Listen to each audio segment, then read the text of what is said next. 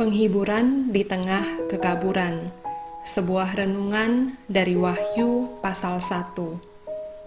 Wahyu 1 ayat 1 sampai 3, beginilah firman Tuhan.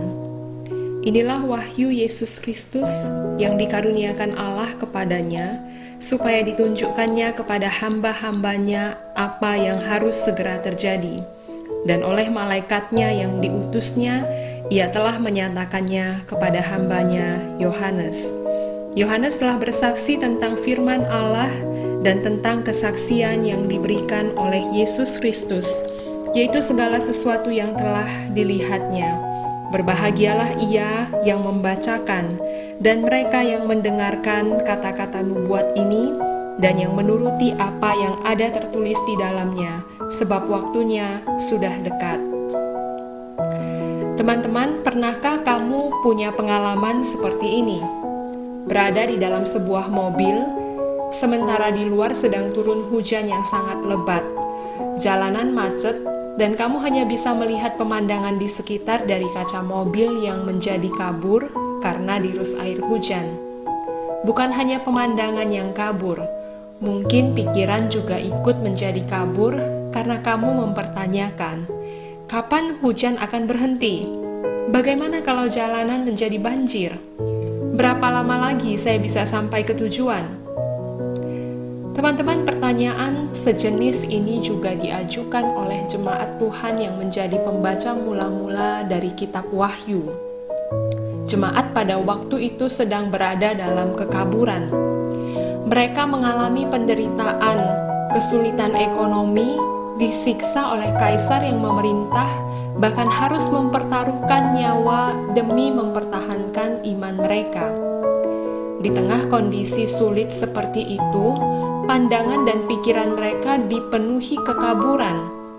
Mungkin mereka bertanya-tanya, kapan semua ini akan berakhir? Di mana Tuhan? Kapan Ia akan datang kembali dan membebaskan kita dari semua ini? Tuhan merespons hal ini dengan memberikan kitab wahyu melalui hambanya, Yohanes. Kitab ini ditulis untuk memberikan penghiburan kepada umatnya yang sedang berada dalam kekaburan. Pembaca modern seperti kita saat ini mungkin akan mengalami kesulitan dalam memahami kitab wahyu. Sebab di dalamnya berisi banyak sekali penggambaran dan simbol-simbol yang asing bagi kita Akibatnya, tidak sedikit orang menafsirkannya dengan keliru atau malah menjadi malas membaca kitab ini. Padahal, kitab ini merupakan firman Allah yang indah dan sangat relevan untuk hidup kita di masa sekarang yang barangkali juga dipenuhi oleh kekaburan. Untuk memahami simbol yang terkandung dalam kitab ini, kita perlu terlebih dahulu memahaminya dari perspektif orang Yahudi pada abad pertama. Kitab ini merupakan jenis kitab apokaliptik, sebuah jenis literatur dan pemikiran orang Yahudi. Apokaliptik diambil dari bahasa Yunani yang artinya menyingkapkan sesuatu yang tersembunyi, ibarat seseorang yang sedang membuka horden untuk melihat sesuatu yang ada di balik horden tersebut. Demikianlah Yohanes mendapatkan penglihatan dari Tuhan ketika ia sedang diasingkan di Pulau Patmos. Apa isi penglihatannya? Kita akan membahasnya satu persatu dalam seri renungan dari kitab Wahyu ini. Nah, dalam penglihatan di pasal 1, Yohanes mendapatkan pesan dari Allah yang disampaikan kepada tujuh jemaat di Asia Kecil, yang masing-masing mewakili kondisi yang berbeda-beda yang sedang terjadi di jemaat tersebut. Penghiburan seperti apa yang diberikan oleh Allah kepada umatnya?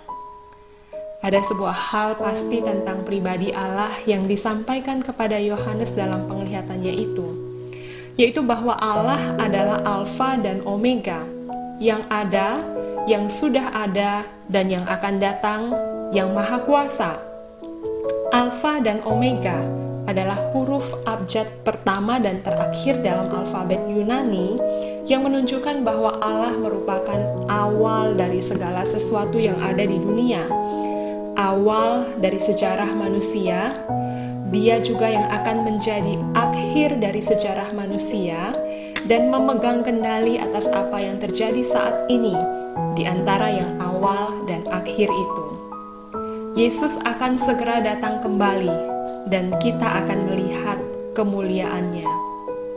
Kedatangannya yang segera merupakan gaya bahasa yang sering dipakai dalam kitab ini untuk menunjukkan bahwa kedatangannya merupakan hal yang pasti, sehingga memunculkan ekspektasi dan rasa bertanggung jawab dari kita untuk menantikannya. Kedatangannya tentu memberikan penghiburan bagi umatnya yang bertahan dalam setiap kesusahan, sebab dia akan membawa kemenangan bagi mereka yang menantikannya. Itulah penghiburan setiap umat percaya yang tetap menantikan dia di tengah kekaburan. Bukan hanya itu, Allah memegang kendali atas apa yang terjadi pada saat ini. Dalam penglihatan pertamanya, Yohanes melihat tujuh kaki dian dari emas. Di tengah kaki dian itu ada seorang serupa anak manusia berpakaian jubah yang panjangnya sampai di kaki, dadanya berlilitkan ikat pinggang dari Kepala dan rambutnya putih metah, dan matanya bagaikan nyala api. Kakinya mengkilap bagaikan tembaga membara di dalam perapian. Suaranya bagaikan desau air bah, dan di tangan kanannya ia memegang tujuh bintang, dan dari mulutnya keluar sebilah pedang tajam bermata dua, dan wajahnya bersinar-sinar bagaikan matahari yang terik. Wah, apa maksud penglihatan ini? Begini, tujuh kaki dian dari emas itu melambangkan ketujuh jemaat yang mewakili tujuh jemaat yang merupakan pembaca mula-mula dari kitab ini. Mereka adalah jemaat yang ada di Efesus, Smyrna, Pergamus, Tiatira, Sardis, Philadelphia, dan Laodikia. Di tengah-tengah kaki Dian itu ada seorang serupa anak manusia yang tidak lain adalah Kristus. Hal ini menunjukkan bahwa Kristus ada di tengah umatnya. Dia sangat terlibat dalam segala situasi umatnya. Dia melihat, menuntun, bahkan berjalan bersama dengan umatnya. Yesus Kristus yang ada di tengah umatnya itu mengenakan jubah panjang dan ikat pinggang emas sebuah penggambaran untuk menunjukkan bahwa ia adalah pribadi yang agung dan layak ditinggikan. Kepala dan rambutnya putih metah, artinya sangat putih seperti salju, menunjukkan kekudusannya, hikmatnya yang tidak terselami, dan juga semarak keagungannya. Matanya yang bagaikan nyala api itu menggambarkan bahwa dia adalah pendekar ilahi yang memerangi musuhnya. Kakinya yang mengkilap bagaikan tembaga membara, menggambarkan bahwa dia memiliki kekuatan. Suaranya yang bagaikan desau air bah menunjukkan bahwa dia berkuasa untuk menyatakan penghakiman kepada umatnya dan memberikan keselamatan kepada mereka yang percaya kepadanya. Tujuh bintang yang ada di tangan kanannya itu melambangkan kekuasaan dan otoritas, serta menunjukkan kepemilikan dan perlindungan. Kristus yang dimuliakan itu berada dalam kendali penuh atas umatnya dan atas dunia ini. Dari mulutnya keluar sebilah pedang bermata dua, merupakan gambaran akan pedang penghakiman. Dia akan mengalahkan musuhnya. Wajahnya bersinar bagaikan matahari, menggambarkan kemuliaan dan penghakimannya. Teman-teman, penglihatan ini sebenarnya bukan hanya memberikan penghiburan kepada umat Tuhan yang menjadi pembaca mula-mula kitab ini, tapi juga bagi kita saat ini. Kristus dalam segala kemuliaan dan kekuasaannya hadir di tengah-tengah kekaburan yang sedang kita hadapi, dan Dia mengelilingi kita dengan kuasanya. Dia bukanlah Allah yang berada jauh di sana, tapi Dia ada di tengah kita, berjalan bersama dengan kita, dan menuntun kita. Kristus yang pertama bangkit dari antara orang mati akan datang kembali dan memberikan penghiburan yang sejati kepada kita, karena pada saat itulah kita akan benar-benar melihat Dia berada di tengah-tengah kita dalam segala kemuliaannya. Apakah saat ini kamu sedang berada di tengah kekaburan?